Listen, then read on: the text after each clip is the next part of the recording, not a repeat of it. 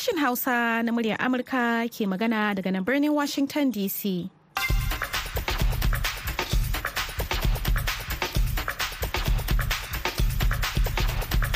Masu sauraro barkamu da asuba da fatan an waye gari lafiya.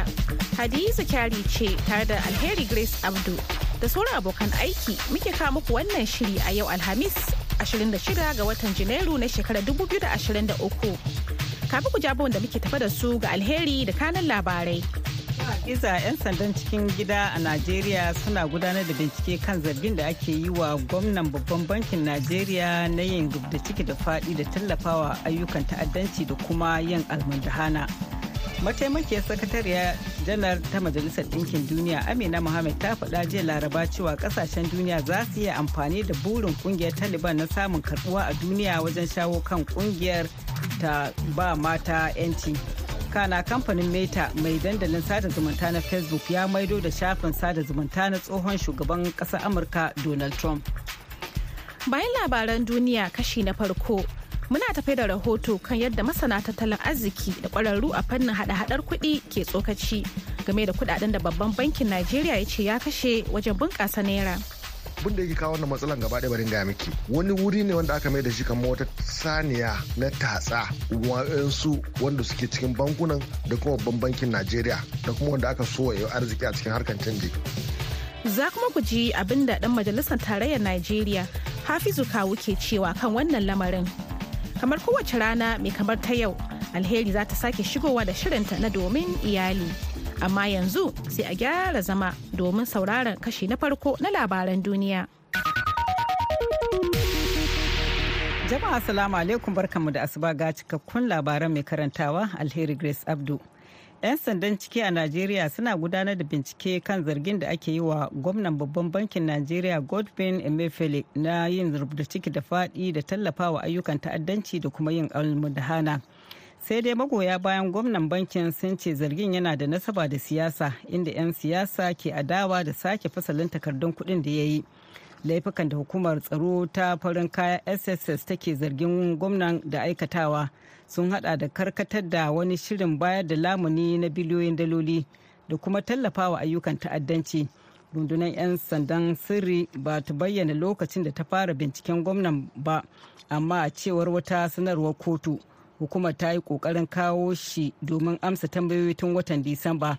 A hirar shi da murya amurka wani mai sharhi kan harkokin kuɗi isaac botti ya ce ana yi wa emefiele rashin adalci.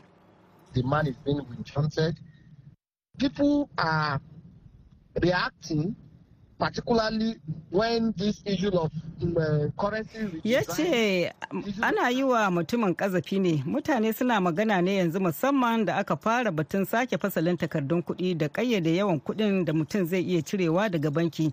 Da bai yi wa mutane da dama daɗi ba musamman waɗanda suke riƙe da madafun iko. Idan akwai ƙwarar idan akwai kwararan dalilai da kuma shaidu da suka tabbatar ya aikata laifin rubda ciki da faɗi sai a sauke shi daga mukaminsa. A ƙarshen shekarar da ta gabata ne babban bankin najeriya ya kaddamar da sabbin kuɗaɗe da nufin yaƙi da miyagun laifuka da kuma yadda ake sayan kuri'u a lokutan zaɓe. Lamarin da ya janyo cece kuce 'yan watanni kafin zaɓen watan fabrairu. Mataimakiyar sakatare janar ta majalisar ɗinkin duniya amina mohammed ta faɗa jiya laraba cewa ƙasashen duniya za su iya yin amfani da burin ƙungiyar taliban na samun karbuwa a duniya wajen shawo kan ƙungiyar ta janye takunkumin da ta yi wa mata na afghanistan. Mataimakiyar babban magatakardar ta dawo ranar talata daga wani aiki na makonni biyu da ya kai ta da tawagarta da suka hada da shugabar mata ta majalisar ɗinkin duniya. Da mataimakiyar shugabar harkokin siyasa da zaman lafiya zuwa ƙasashen musulmi da dama da kuma birnin kabul na ƙasar afghanistan. Ta kuma gana a yankin da tsohon shugaban ƙasar afghanistan hamid karzai da tsohon babban jami'in gudanarwa abdullah abdullah ta yi nuni da cewa ƙungiyar taliban ta danna 'yancin al'umma da suke cewa daga baya za su sake su. Wani sabon rahoto kan yadda ake gudanar da mulkin afirka na nuni da cewa an samu koma baya ainun a galibin ƙasashen nahiyar afirka a fannin tsaro da demokuraɗiyya fiye da shekaru goma da suka gabata. Wata ƙididdigar da gidauniyar mo ibrahim ta tattara kuma ta fitar a jiya laraba ta gano cewa tsaro da bin doka da oda na fuskantar koma baya ƙasashe fiye da 30 daga cikin 54 na nahiyar. Rahoton ya kuma yi nuni da koma bayan demokaradiyya da suka hada da juyin mulki guda takwas da aka yi nasara afirka tun daga shekara 2019 attajirin ɗan ƙasar birtaniya mo ibrahim yana amfani da dukiyarsa wajen inganta demokuraɗiyya da kuma tabbatar da mulkin ƙwarai a siyasance a afirka. Ya ce sakamakon binciken na barazana kawo koma baya ga ci gaban da aka samu na tsawon shekaru. Sai dai ya ce binciken ya kuma nuna cewa an samu ci gaba a wasu fannoni da suka hada da tattalin arziki ilimi da daidaiton jinsi. To labaran na zuwa muku ne daga nan sashen Hausa na murya Amurka a birnin Washington DC.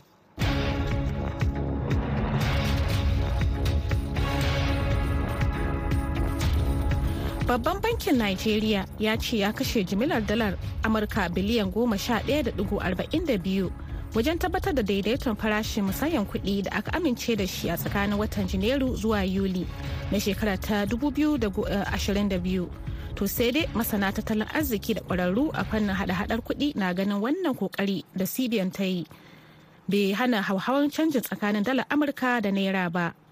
Wakiliyar amurka madina dauda ta yi mana nazarin lamarin a wannan rahoto da ta hada mana.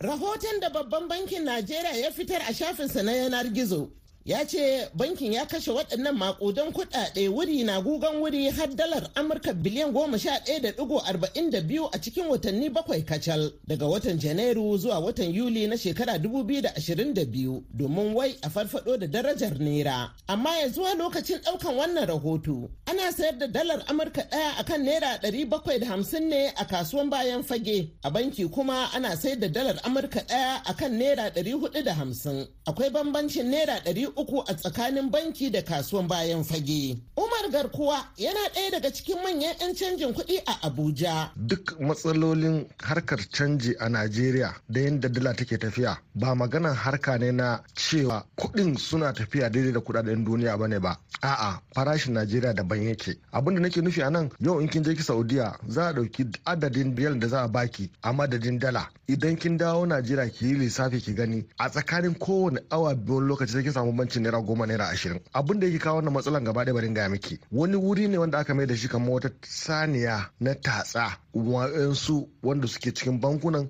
da kuma babban bankin najeriya da kuma wanda aka so ya arziki a cikin harkar canji. A lokacin da take bayani akan yadda canjin kuɗi ya shafi farashin kayayyaki a kasuwa, Madam Elizabeth Sudan ta yi tsokaci cewa farashin abubuwa gaskiya sun tashi. Sun tashi sosai. Don ko magi ma da da muke siya 750 mun da muna sayan shi 800 buhun shinkafa da muke sayan shi a 40,000 na saye shi a 44,000 wani wuri kuma zaka samu a 42,000 amma ga masanin tattalin arziki yusha'u aliyu yana ganin akwai matsala da ya kamata a tantance idan cbn ya kashe waɗannan kuɗaɗe kuma darajar naira bata hau ba. To waɗannan kuɗaɗe idan har an kashe su kuma ba a ceto naira ba to ma'ana akwai matsaloli kenan waɗanda ba waɗannan kuɗaɗen ne za su yi maganin su ba ko kuma ba a yi amfani da su ta yanda za su ceto tattalin arzikin ƙasan ba saboda yanayin da shi tattalin arziki yake fama da hauhawan farashi wanda hauhawan farashin nan ya jawo mutane da yawa suka rasa kuɗaɗen da za su yi wasu hidimomi wanda ma a ƙarshe ya mai da mutane da dama talakawa a ƙasan kamar yadda hukumar ƙididdiga ta sanar na kusan mutum miliyan ɗari da talatin da uku. Amma darakta mai kula da bankuna a CBN Haruna Bala Mustapha ya yi fashin baki akan batun canjin yana cewa. Babban bankin Najeriya hurumin mu ne mu tabbatar da cewa farashin dala ko farashin kuɗin waje ya yana da inganci su yasa muka fito da tsare-tsare da za mu bunƙasa hanyar kuɗin shigowa idan kuɗaɗen shigowa na waje suka bunƙasa tabbas shi ainihin farashin ko dala ko pound zai sauko ƙasa don saboda a samu a daƙile duk wasu hanyoyi na matsalolin da suke addaban ainihin tattalin arzikin ƙasa. Abin jira a gani shine yadda waɗannan makudan kuɗaɗe dalar Amurka biliyan goma sha ɗaya da ɗigo arba'in da biyu za su farfaɗo da darajar naira ganin cewa batun sauya kuɗi ya kawo rufe kasuwanni da dama a ɓangarori daban-daban na ƙasar baki ɗaya. Madina Dauda, muryar Amurka daga Abuja, Najeriya.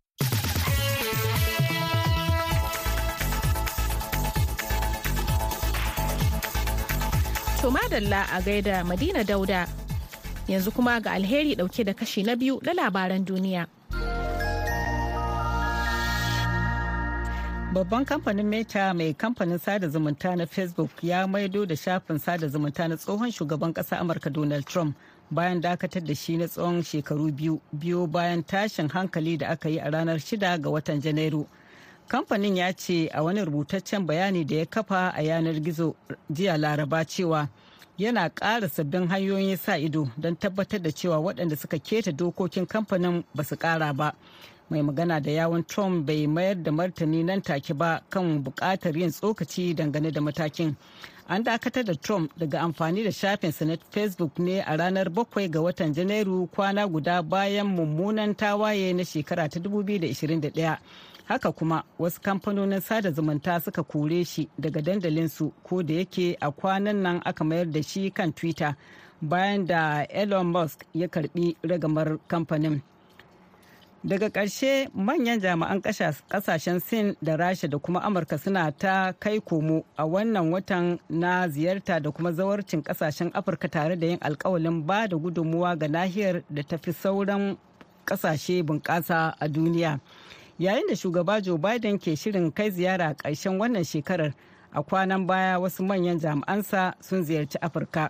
Ya zama dole su daidaita sha'awar tabbatar da goyon bayan ƙasashen afirka kan zaluncin rasha da kuma gurorin ƙasar sin a nahiyar yayin da suke ƙoƙarin cika alkawalin da suka yi na yin aiki don amfana afirka. Washington ta ce ba an yi wannan don tunkarar muradin rasha da china ba ne. Ko da yake amurka ta nuna rashin jin daɗinta game da yadda ƙasashen afirka suka ƙi yin allah wadai da mamayar da rasha ta yi wa ukraine. Amma tana ɗaukar wannan matakin ne da nufin kulla alaƙa mai ma'ana a fannonin kasuwanci kiwon lafiya zaman lafiya da kuma tsaro. Sai dai babban jami'in diflomasiyyar nahiyar ya ce afirka wadda manyan ƙasashen turai suka yi wa mulkin mallaka tsawon shekaru aru-aru ba 'yar amshin shata ba ce ya kuma ƙara da cewa sin ta fahimci haka.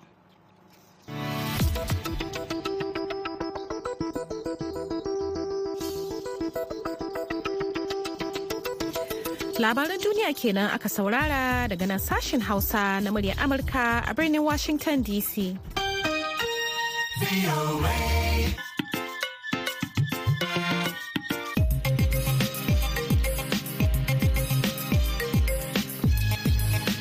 Dan majalisa Honorable Hafizu Kawo mai wakiltar karamar hukumar tarauni a Majalisar Wakilan Najeriya ya bayyana cewa har yanzu majalisar na kan bakanta na neman gwamnan babban bankin Najeriya CBN Godwin Emefiele ya gurfana a gabanta domin amsa tambayoyi da yin bayani kan abin da ya biyo bayan canza fasalin takardun kuɗin ƙasar da ya jefa al'umma cikin halin kunci.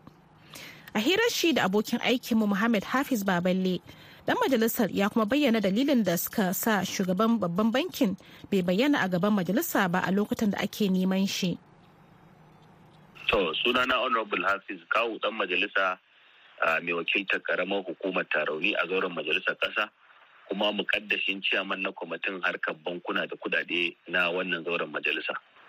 To honorable kun ɗauki mataki akan ƙara wa'adin canza kuɗi a Najeriya wato wasu takardun kuɗi da babban bankin Najeriya CBN ya yi inda ya sa ranar 31 ga watan Janairu ta zama ranar ƙarshe na canja kuɗi a bankuna. Kana ganin matakin naku zai iya tasiri kuwa? To, alhamdulillah kamar yadda ka sani cewa mu ne wakilan al'umma, mu al'umma suka turo mu kara mutuncinsu da darajarsu kuma mu muka san yanayin da halin da al'umma suke ciki. Babban bankin ƙasa bai san abin da al'umma suke ciki ba, ya dogara ne da abin da ake cewa theory mu kuma muna amfani da practicals abin da ke faruwa a ƙasa. Tunda kullum muna cikin al'ummar mu a grassroots.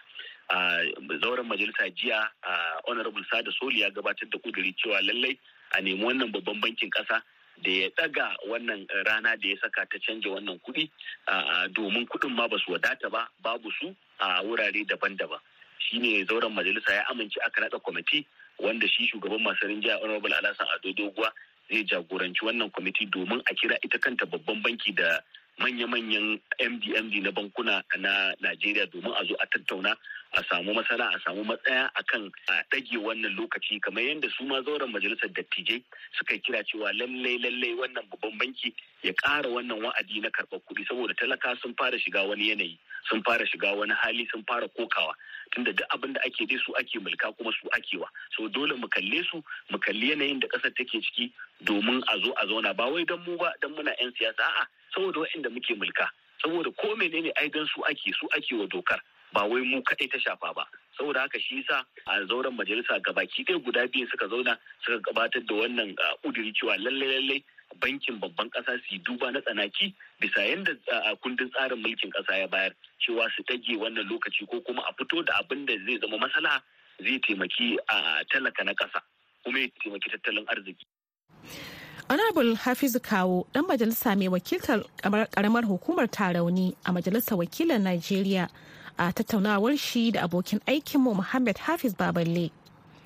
Masu sauraro kada a manta wannan shiri na zuwa muku ne daga nan birnin Washington DC akan mitoci 1625 da kuma 31 a jamhuriyar Nijar kuma za a iya sauraron mu a tashar mata VOA Africa akan mita 200.5 baya ga haka a yaushe ake so za a iya zuwa shafukanmu na intanet a voahausa.com muryar amurka.com ko kuma sashen hausa.com yanzu kuma sai shirinmu na gaba.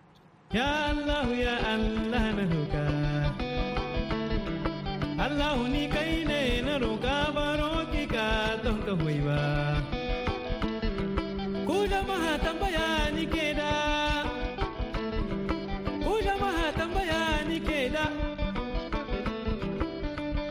Menene duniya? ta wannan daman ya ba wa mata a najeriya dama na duk wani abu da ya shafi shugabanci mulki uh, hukunci da kuma shawarori a ce a dama da mata. Wannan dai ya nuna cewa maza ba sa tausaya ma mata. To me zai hana mata su shiga jam'iyyun siyasun nan? Kuma su kowane jam'iyya su shiga da yawa. Masu sauraro Assalamu alaikum barkamu da asuba alheri Grace Abdu ke muku fata alheri da kuma fata iyali na lafiya. Yau ya rage saura makonni huɗu a gudanar da zaɓen shugaban kasa da na 'yan majalisun tarayya a Najeriya makonni biyu bayan nan a gudanar da na gwamnoni da majalisun jihohi. Sai dai duk ƙoƙarin da mata suka yi na ganin wannan karo ba a bar su a baya ba haƙarsu bata cimma ruwa ba kasancewa ba su samu wakilcin da suke nema ba. Batun da za mu fara nazarta kenan a wannan makon ashirin domin iyali.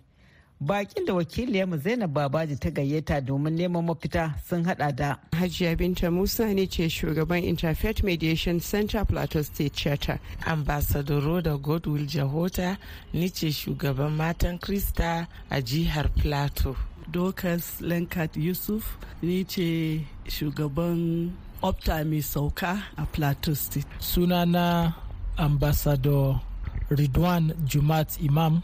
Ni malamin makaranta ne ni principal ne na sani mikaela da ke comprehensive college da ke cikin garin jos kuma malami ne ƙarƙashin ƙungiyar jama'atu nasrul islam. Ni ne mai gabatar da shiri na musulunci ke kira. Masu sauraro waɗanda za mu tattauna da su a wannan dandalin namu kenan kuma maudu'in da za mu tattauna shine tasirin shiga mata harkokin siyasa. Hajiya Binta bari fara da ke da yake na san kina gwagwarmaya yaya kike ganin a shigan mata harkokin siyasa musamman a Najeriya? Ba na siyasa sai dai yana shiga harkokin da ya danganci waye kai da kuma fitowa mutane da wayansu bayanai da zai ba su dama su san daman su a cikin gwagwarmayan zaɓen shugabanni. Akan maganan mata da gender equality wanda musamman tana da bill ɗinta wanda aka asan standing ɗinta a 2006 especially wanda aka kira shi 35 affirmative. To shi 35 affirmative ɗin nan nigeria a matsayin tana ta ta zama ita ta ɗaya daga cikin nation ne wanda take cikin ƙungiyar duniya na united nation. To akan haka duk wani dokoki da wani kundi da aka yi magana akan neman dama na abawa mata matsayi a duniya to ya zama kenan tun da nigeria is signatory to it tana da sa hannu to nigeria da matansu tana cikin wannan daman. To ita wannan daman ya ba wa mata a nigeria dama na duk wani abu da ya shafi shugabanci mulki uh, hukunci da kuma shawarori a ce a dama da mata. Matan nan uh, ba lallai sai daga federal level kawai ba. A mun san cewa shi power ko kowane ma shugabanci yana fitowa daga cikin party ne. In ya fito daga cikin party sai ya zama ko councilor ne ko chairman ne ko ko governor ne ko members house of reps ko senator ne ko president. Mun riga mun san dai duka leadership dai yana fitowa daga party. To mata an ce a cikin wannan kundin mata a dama da su saboda su zama suna cikin hukunci da kuma ba da shawara. In muka duba zan yi magana da certain authority na statistics na national population kidanya na, na duniya na, na, na najeriya da ake shi bayan kowane shekara goma goma duk da ke mun dan samu dan tuntube a hanya. Amma duk da haka a 2022 that is 2022 data eh muna da mata 105 million 93,075 shine population din mata. Ba implication in kin duba mata su ne 49% su ne kashi 49 na population in Najeriya. Idan ko wannan shine matsayin mata ai sai mu duba mu gani lallai mu ne muka fi yawa. To idan ko mu ne muka fi yawa to ya kamata a ce mun fi rinjaya. Idan kuma mun fi rinjaya ya kamata a ce kuma duk abin da za a yi a sa da mu in aka sa da mu kuma ya zama muna da wani kaso wanda zai zama ya yi magana akan haƙƙin mata da kuma damansu. bari za mu dawo gare ki. Madam roda jahota akwai bayanan da ke cewa kamar yadda ta fara mana bayani cewa a wato mata su suka fi yawa. Kuma a wannan karo zaɓen da za a yi a shekaran nan akwai mata da suka fito da dama. Kusan za a ce wannan karon ne mata suka fito da dama domin takarar siyasa. Waɗansu sun samu sun tsallake primaries wato mataki na farko. Waɗansu kuma an watsar da su a kotu waɗansu kuma ma tun daga ƙasa ma an watsar da su. Me za ki ce game da uh, yadda mata sun fito amma wani lokaci sai mu ga har yanzu matan da ba su kai matakin da ya kamata su kai ba a najeriya. Wannan dai ya nuna cewa maza ba sa tausaya ma mata. Domin ya kamata a ce ko in mata ta wurin zancen kuɗi domin mun ji wa'yansu fati su sun rage ma mata kamar kuɗin karɓan fom sun daga masu kafa domin mata su samu su saya. Don dama muna kuka cewa mu ba mu da kuɗi ba mu da wanda zai taimake mu. To mun gan dai sun yi ƙoƙari sun daga kafa. To abin da ya sa na ce maza ba su da tausayi da duk da wannan dagan kafan da aka daga ma mata maza maimakon su taru su ce to tun da an dan daga ma mata kafa bari su ma su duba su gani. In dai ana neman mutum takwas ne bari mu ba ma mata zarafi uku. Su su karɓa huɗu amma mun gamma sun taru sun mamaye komai domin kar mata ma su samu. Matan da kika amma mazan na cewa wani lokaci ai ba wai sai an ba ku ba ku ya kamata ku nema kuma in ya in kun cancanta ya kamata a ce kun karɓi kujerar na ya kullum sai ku ce wai maza ne suke danne ku? Maza suna danne mu domin su sun fi mu shiga da fita. Su shiga nan su je nan wani lokaci ma su sa abin da ma mu mata ba za mu iya mu kai wurin ba. Abin da ya sa muke faɗa kenan cewa suna mana danniya. Idan in aka ce wai equality yanzu kin ga kamar an an ce wai ku je ku yi kallo a can. To ya kamata in sayin wanda bai kai ba za a ajiye mashi wani abu domin sayin shi ya kai daidai da wancan. To maza ba su yi mana haka ba ba su taimaka mana ba. Tun da dai sun ce ko littafi ma ya ce mu we are weaker vessels. To ya kamata tun da sun san cewa mu we are weak a kowane littafi sai su zo su taimaka mana su ce to ke ga yadda za mu sa ki tashi daga nan. Mata suna ƙoƙari amma maza kuma in ko aka ce wai a gudu maza ai za su fi mu gudu. Amma in kana gudu sai ka juya ka ɗan kama hannu wanda za ku gudu tare. An ce mu gudu tare mu sira tare. Maza serewa suke yi su bar mata a baya. Shi yasa muka ce ba sa jin tausayin mu. Amma kuma akwai mata wanda su ma maganan gaskiya ba su da adalci. Za mu dawo kan wannan. Bari mu tambayi namiji tilo da ke cikinmu. Kamar yadda ita madaro da ta yi magana maza sun mamaye sun yi babakere kuna mazan nan me yasa har yanzu ba ku ba mata zarafin da su ma a ce za su samu kaso na yadda ya kamata a cikin harkokin siyasa ba? Da farko dai kamar yadda kika sani ni ba dan siyasa ba ne. Amma ina sauraron abin da yake tafiya a siyasance a kasa kuma ina bibiya. Kamar yadda tsarin kundin tsarin mulkin kasa take ta baya wa kowane dan najeriya dama ta shiga jam'iyyar siyasa. To ni ina tunanin cewa tun da ajiya ta ba da lissafi cewa mata yawan su a Najeriya sun ɗauki kashi 49 cikin 100 kun ga wannan ba ƙaramin yawa ba ne. Maza suna da kashi 51 kenan. To me zai hana mata su shiga jam'iyyun siyasun nan? Kuma su kasance kowane jam'iyya su shiga da yawa. Abin da lokaci ya ba mu damar kawo muku kenan yau sai kuma mako na gaba ku ji dalilan da bakin namu ke ganin suke sa maza kin ba mata damar tsayawa takara. Kafin nan a madadin bakin namu hajiya binta musa shugabar ƙungiyar haɗin kan mabiya addinai daban-daban reshen jihar plateau da ambasada Roda Godul Jahota shugabar matan Krista a jihar Plateau sai kuma Dokas Lenkachi Sof shugabar ƙungiyar gamayyar ma'aikatan gwamnatin jihar plateau mai barin gado da kuma ambasado ridwan jimat imam malami ƙarƙashin ƙungiyar jama'atu nasirar islam. Sai wakiliyarmu zainab babaji da ta jagoranci tattaunawa da kuma jumbe hamza da ya daidaita sautin shirin a madadinsu duka alheri ke cewa allah tabbatar mana da alherinsa. Kai mata su ne duniya su ne madalla a gaida alheri grace abdu. Yanzu kuma ga wannan saƙon. Talakawa ga dama zaɓe yana zuwa dama. Zaɓi shugaban himma mai tausayawa al'umma. Albishirinku masu bibiyar shirin zaɓen najeriya musamman ma a matakin jihohi. A ci gaba da kawo muku shirye-shirye da faɗakarwa da muke yi kan zaɓen daga ranar laraba ɗaya ga watan fabrairu za mu fara gabatar muku da rahotanni na musamman daga jihohin najeriya kan yadda sha'anin ke shafar ɗaiɗaikun jihohi. Bisa ga yanayin jihar da muka haskaka ta fuskar tarihi siyasa zamantakewa da kuma abubuwan ci gaba kar ka bari a baka labari a kasance da muryar amurka duniya tafin hannu da wannan kuma muka zo ga shirinmu na ƙarshe wato labarai a munfa a taƙaice.